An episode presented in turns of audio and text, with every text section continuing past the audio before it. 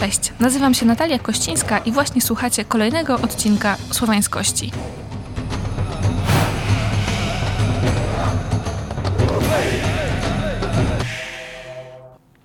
Muszę przyznać, że czuję się trochę onieśmielona, mówiąc do Was po tak długiej przerwie. Od poprzedniego odcinka minęło chyba pół roku już. Tak więc bardzo, bardzo Was przepraszam za tak długie milczenie. Mam nadzieję, że teraz będę publikować treści dla Was już regularnie. Nie co tydzień, ale myślę, że co dwa to jest w miarę realna perspektywa. Powodem mojego milczenia było przede wszystkim moje życie prywatne. Tutaj bardzo dużo się zmieniło, bardzo dużo rzeczy się działo. Też czasami pisałam Wam o tym w mediach społecznościowych. Po prostu kompletnie nie miałam głowy do robienia rzeczy takich dodatkowych, jak właśnie nagrywanie, zdobywanie informacji i, i tak dalej. Ale chyba już tutaj się sytuacja ustabilizowała, więc też mam nadzieję, że to będzie teraz sprzyjać mojej regularności. A drugi powód mojego milczenia dotyczy już bezpośrednio tematu, za który postanowiłam się zabrać. Być może pamiętacie, a może część z Was już nie. Pod koniec października, na początku listopada zapowiedziałam Wam temat związany z aborcją w kontekście słowiańszczyzny, kultury ludowej i też wczesnego średniowiecza. I okazało się, że trochę mnie to jednak przerosło. To znaczy, bardzo trudno zbierało mi się informacje i też tak naprawdę do dzisiaj nie uzyskałam odpowiedzi na wszystkie pytania, które sobie zadawałam. Wynika to z tego, że oczywiście, jak pewnie już wiecie, o wczesnym średniowieczu mamy stosunkowo niewiele informacji. A potem też ta sfera seksualności związana właśnie z takimi w sumie intymnymi sprawami nie była jakoś szczególnie popularna. I właściwie sporo tych źródeł, na które trafiłam, opowiadają głównie o XVIII-XIX wieku. Co było wcześniej, trudno powiedzieć, są to raczej jakieś przypuszczenia. Generalnie, nawet jeżeli mówimy o tym XVIII czy XIX wieku, no to to też nie jest e, coś, co może nas zachwycić wielością materiałów. Dlatego, że badacze, na których e, teraz się opieram, oni opierali się z kolei na materiałach sądowych bo jeżeli mówimy o aborcji, to też automatycznie mówimy o dzieciobójstwie i takie sprawy najczęściej trafiały właśnie przed sąd. Właśnie, powiedziałam najczęściej, a to też nie do końca prawda, bo tych informacji było stosunkowo niewiele. I tutaj Tomasz Wiślicz zwraca uwagę, że to, że procesów o dzieciobójstwo było niewiele, no to wcale nie oznacza, że w ogóle było ich mało, ale że po prostu była niska wykrywalność akurat tego przestępstwa. W związku z czym bazujemy na stosunkowo niewielkim materiale. Dużo informacji też kryje nam się w przyśpiewkach ludowych e, albo w bajkach które były gdzieś tam opowiadane i one w jakiś sposób trochę przystają do, do rzeczywistości. Jest to jakaś perspektywa, odbicie tego, co się faktycznie wydarzało, po prostu w takiej zmienionej, fabularyzowanej formie. Jeżeli chodzi o informacje związane z wczesnym średniowieczem, no to w ogóle tutaj już jest bardzo, bardzo kiepsko. Natrafiłam na kilka ciekawostek, ale uważam, że to jest za mało, żeby tak naprawdę mówić o tym, że we wczesnym średniowieczu było tak. Możemy w dużej mierze przypuszczać, jak to dokładnie wyglądało, dlatego że te materiały, te informacje, do których dotarłam, dotyczą przede wszystkim zabijania niemowląt płci żeńskiej. Natomiast o spędzaniu płodu, o wywoływaniu poronień, no to tych informacji już tutaj w zasadzie nie mamy.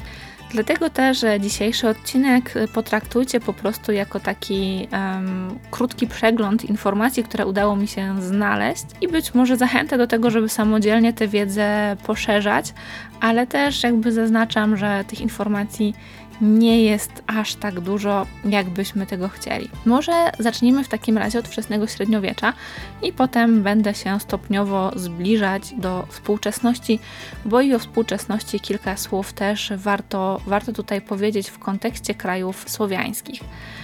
Ale może zanim w ogóle ten historyczny przegląd, to chciałabym zaznaczyć na wstępie jedną bardzo ważną rzecz a mianowicie, że kiedy rozmawiamy o tym, jak podchodzono kiedyś do kwestii seksualności, ciąży, a więc także i aborcji czy dzieciobójstwa, musimy pamiętać o tym, że ludzie kiedyś posługiwali się zupełnie inną etyką, zupełnie inną moralnością niż my dzisiaj.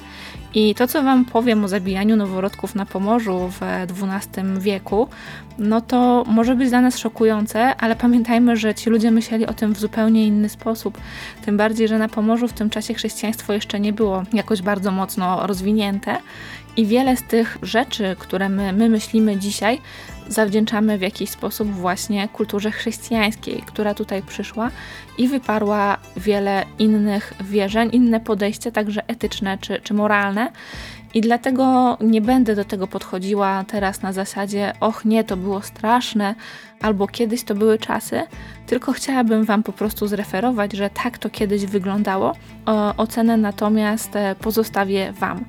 Chcę tylko też zwrócić uwagę na to, że powody, dla których kobiety decydują się na aborcję, na przerwanie ciąży, są też bardzo, ale to bardzo różne. O tych powodach także możecie znaleźć informacje w tych materiałach, na których ja się opieram i które Wam oczywiście w opisie do podcastu podam.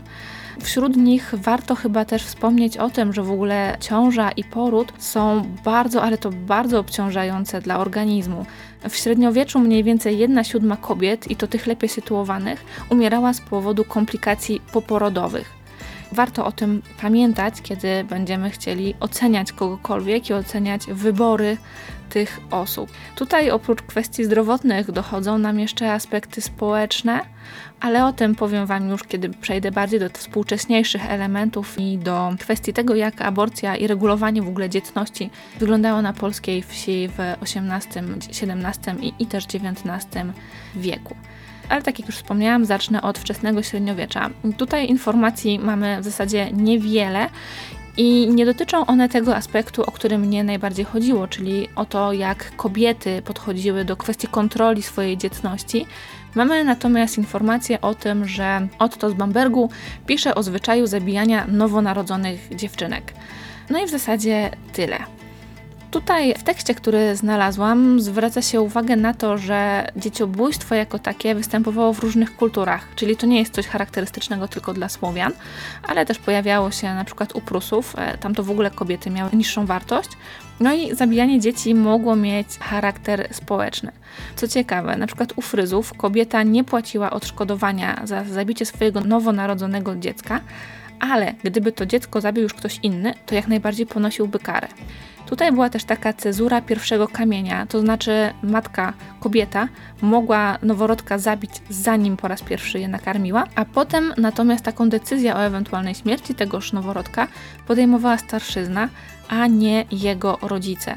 W Skandynawii, tak jak na Pomorzu, właśnie porzucano na przykład dzieci ze względu na płeć i generalnie świadczy to o tym, że pozbywanie się takich nowonarodzonych dzieci było wówczas normalne. Oczywiście z perspektywy tamtej moralności i etyki. Powody były różne. Najczęściej pozbywano się dziewczynek i tu prawdopodobnie była to kwestia tego, że należałoby im w przyszłości zapewnić posag, więc było to spore obciążenie finansowe.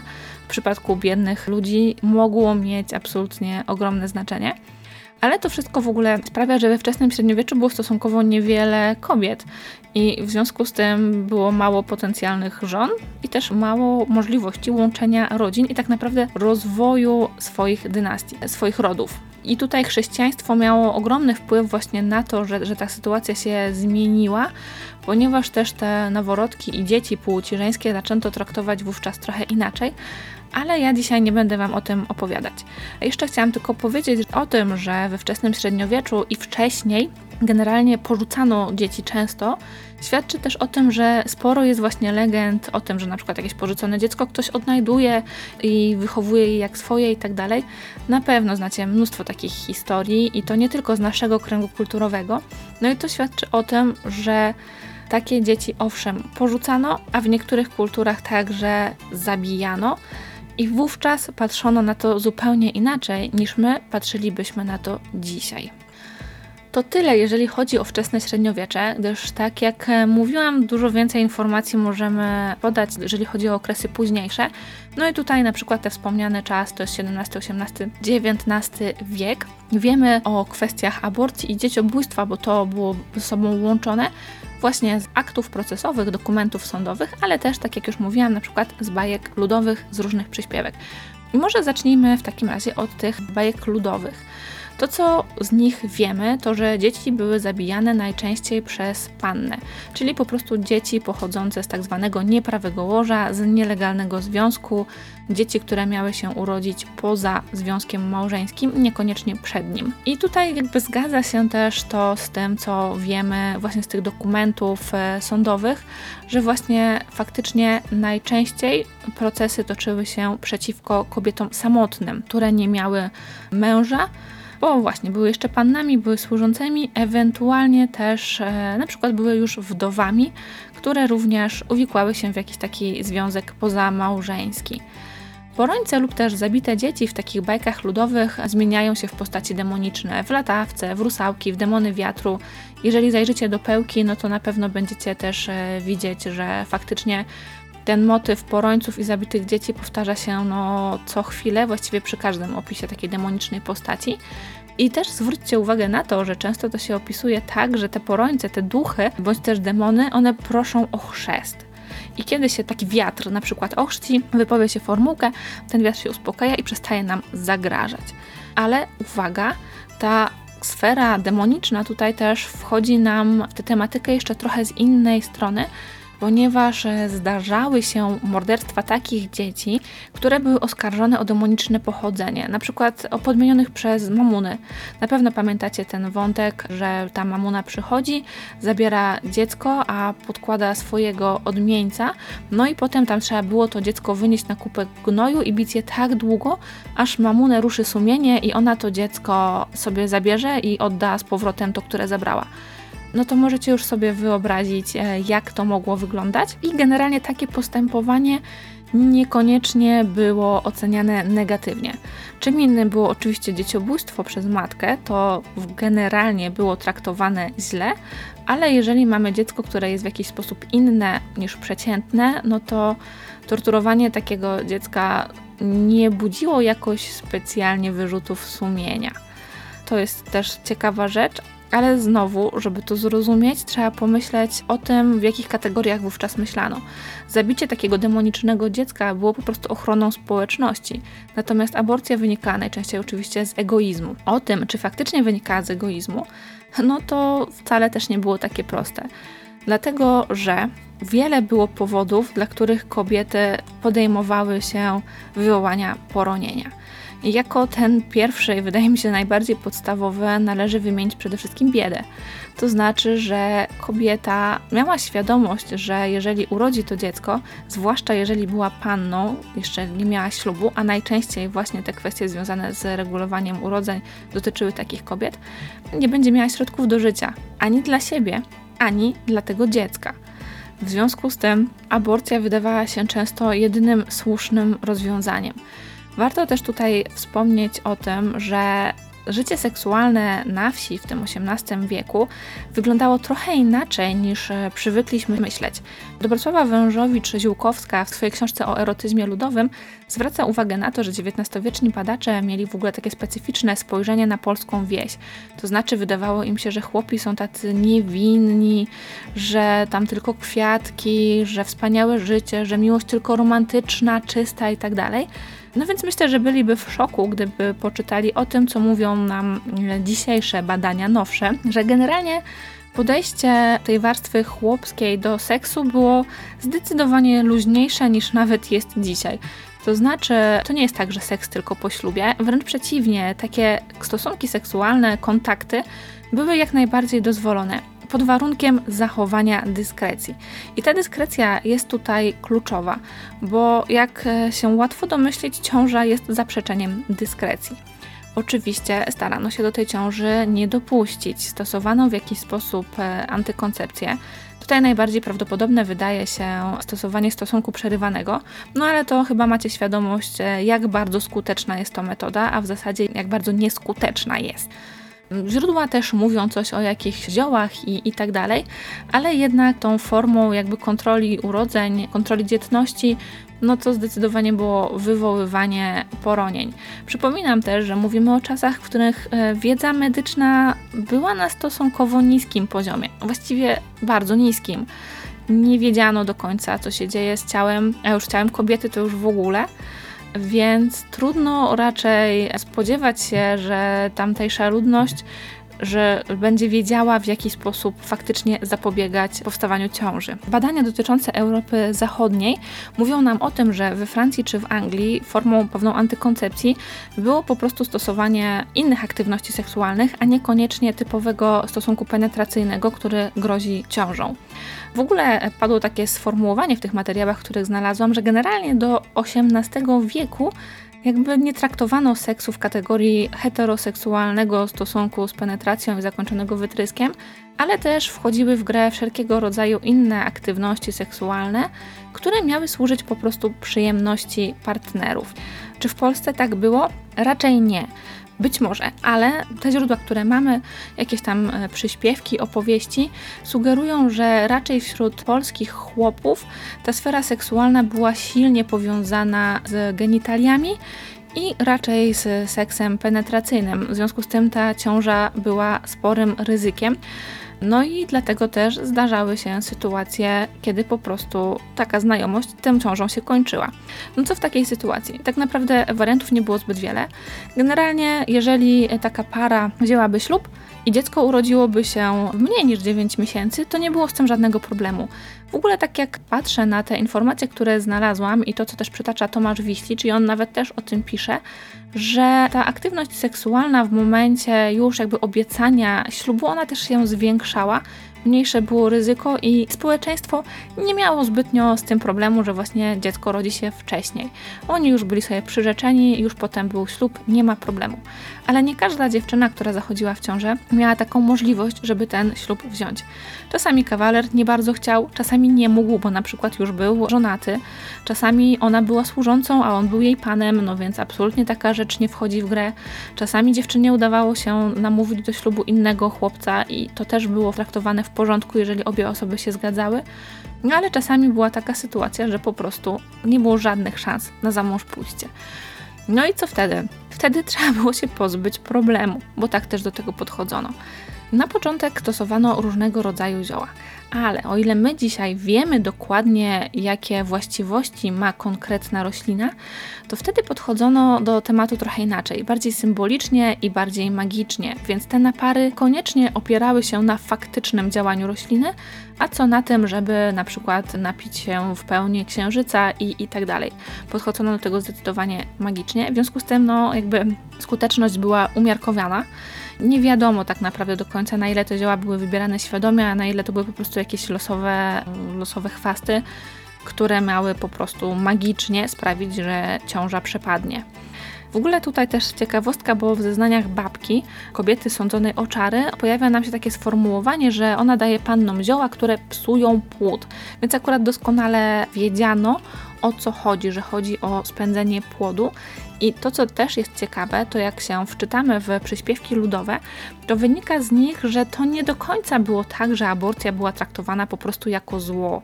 Podchodzono do tego zdecydowanie bardziej e, wyrozumiale, niż jest to przekazywane w oficjalnych informacjach, w oficjalnych źródłach. Wiedziano, że takie rzeczy się dzieją i podchodzono do tego z pewną wyrozumiałością. Oczywiście sytuacja miała się trochę inaczej, kiedy mówiliśmy w ogóle o dzieciobójstwie, bo bardzo często aborcja przechodziła dosyć płynnie właśnie w zagadnienie dzieciobójstwa. No i jak do tego doprowadzano? Poronienia próbowano wywołać pracą ponad siły, dźwiganiem ciężkich rzeczy, skakaniem przez płoty też także, Czasami ryzykowano przeziębienie, żeby to spowodowało poronienie, bądź też przedwczesny poród. I poronienie w zaawansowanej ciąży bywało też traktowane jako dzieciobójstwo. I tutaj Tomasz Wiślicz zwraca w ogóle uwagę, że te procesy o dzieciobójstwo, one bardzo często przypominały procesy oczary. Dlatego, że dzisiaj jesteśmy w stanie określić przyczynę zgonu, natomiast w tym XVIII wieku było to pewien problem. Kobiety oczywiście mówiły, że urodziły martwe dziecko od razu i dzisiaj bylibyśmy w stanie to zweryfikować. Kiedyś nie. Dlatego też, e, kiedy panna najczęściej ogłaszała właśnie, że urodziła martwe dziecko, no to e, odbywał się proces i tak naprawdę wszystko zależało od tego, co powiedzieli świadkowie. A mogli powiedzieć, co chcieli. Jeżeli jej nie lubili, uważali ją za jakieś zagrożenie, no to możemy się spodziewać, jakie padały z ich strony zeznania. Ale to było w sytuacji, w której o ciąży ludzie wiedzieli i w jaki sposób tę kobietę przyłapano. W większości przypadków jednak panny starały się ukrywać ciążę. Dzisiaj byłoby to pewnie znowu mało możliwe, dlatego że każdy wie, jak wygląda brzuch ciążowy, każdy też wie, jakie są przejawy ciąży. Natomiast znowu w XVIII wieku wiedza na temat fizjologii była stosunkowo niewielka. Można było też ubraniami, warstwami ubrań w jakiś sposób ukryć brzuch.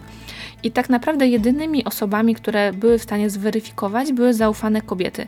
Babki, akuszerki, częściej jednak babki. Akuszerki na przykład w ogóle miały całkowity zakaz pomagania w aborcji. Babki miały tutaj zdecydowanie większą dowolność. Często to była matka dziewczyny, jakaś ciotka, bądź też inna zaufana kobieta, która już sama miała dzieci, więc miała też wiedzę na temat tego, jak ciąża wygląda. I co one mówiły? Różnie. Bardzo często też e, w temacie dzieciobójstwa pojawia się wątek wspólnictwa, to znaczy tego, że inne kobiety pomagały w popełnieniu samego przestępstwa, zabiciu dziecka, ale także w ukryciu zwłok. Czasami kobieta, jeżeli chciała ukryć swoją ciążę i chciała się jej pozbyć w spokoju, wybierała się na pielgrzymkę, przynajmniej oficjalnie. Wtedy nie było jej kilka miesięcy, więc miała czas na to na przykład, żeby dziecko urodzić, a jeżeli była w mieście, to mogła też to dziecko komuś podrzucić, bądź też ewentualnie po prostu zabić, pozbyć się problemu i wrócić, jak gdyby nigdy nic się nie stało. Tu jeszcze warto też wspomnieć, że w Polsce w ogóle nie było czegoś takiego jak w Europie Zachodniej, czyli cezury pierwszych ruchów płodu, jako momentu, w którym tenże płód uzyskiwał duszę i stawał się dzieckiem. W Europie Zachodniej podchodzono właśnie do tego momentu szczególnie i to też wpływało na kwestie prawne i moralne. W Polsce czegoś takiego nie było.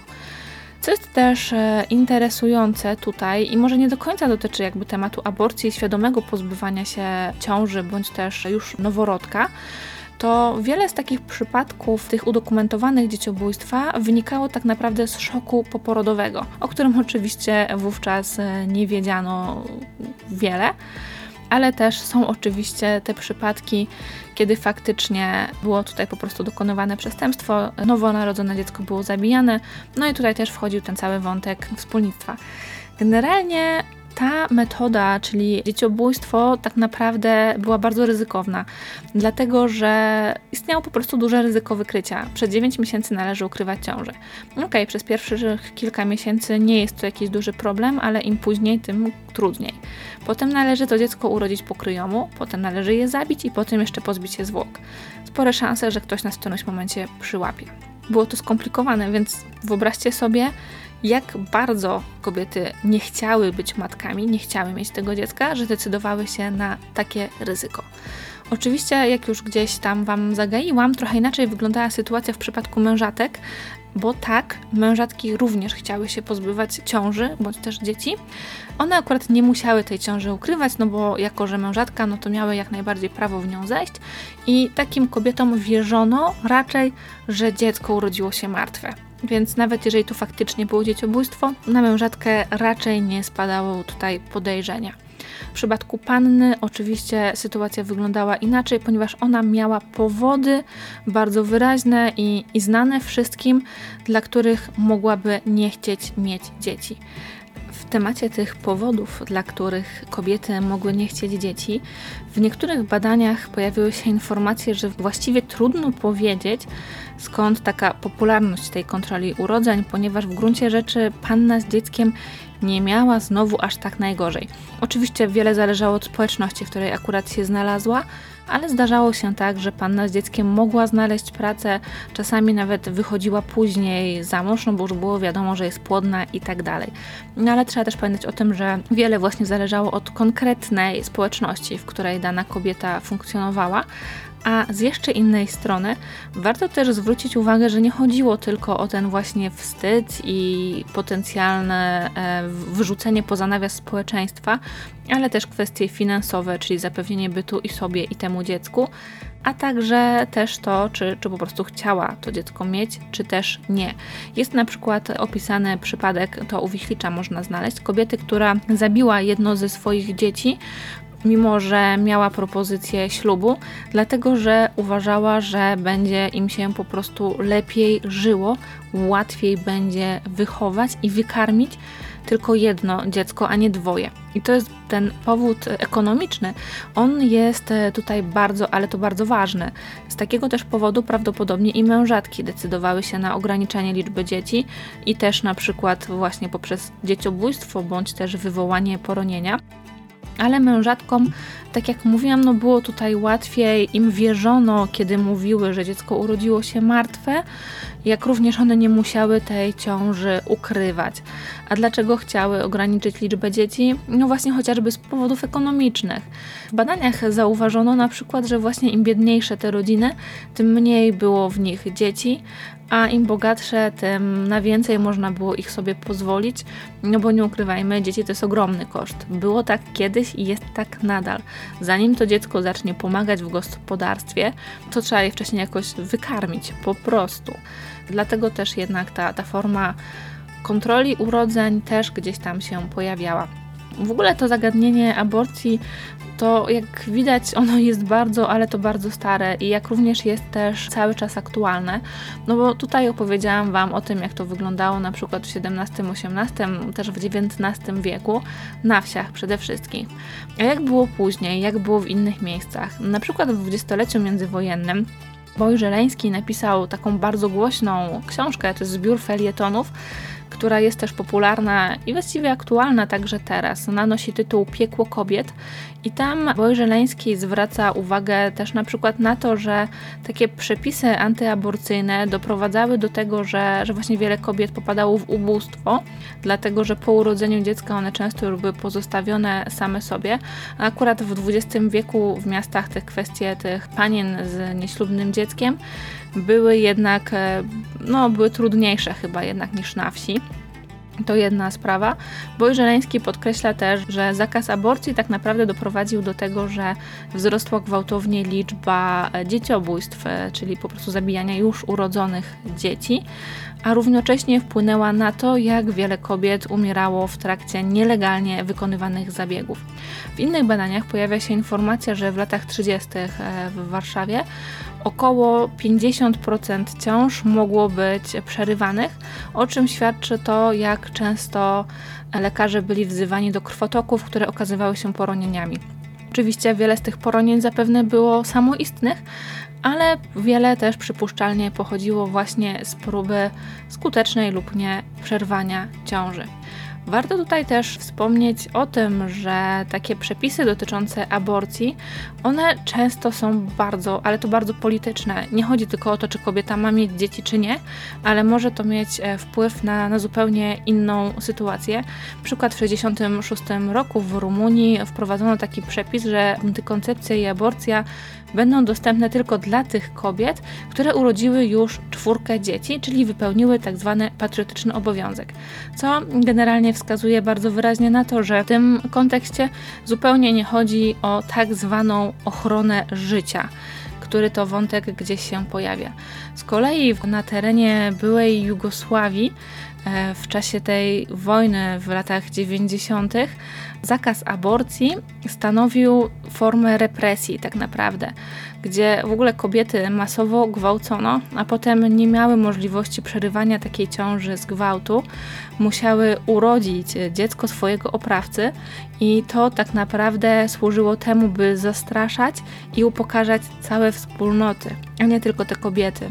Więc e, po raz kolejny okazuje się, że, że przepisy związane z aborcją, z antykoncepcją, z kontrolą urodzeń niekoniecznie mają na celu właśnie tę te, te szumnie nazwaną ochronę życia, a mogą służyć zupełnie, zupełnie innym celom.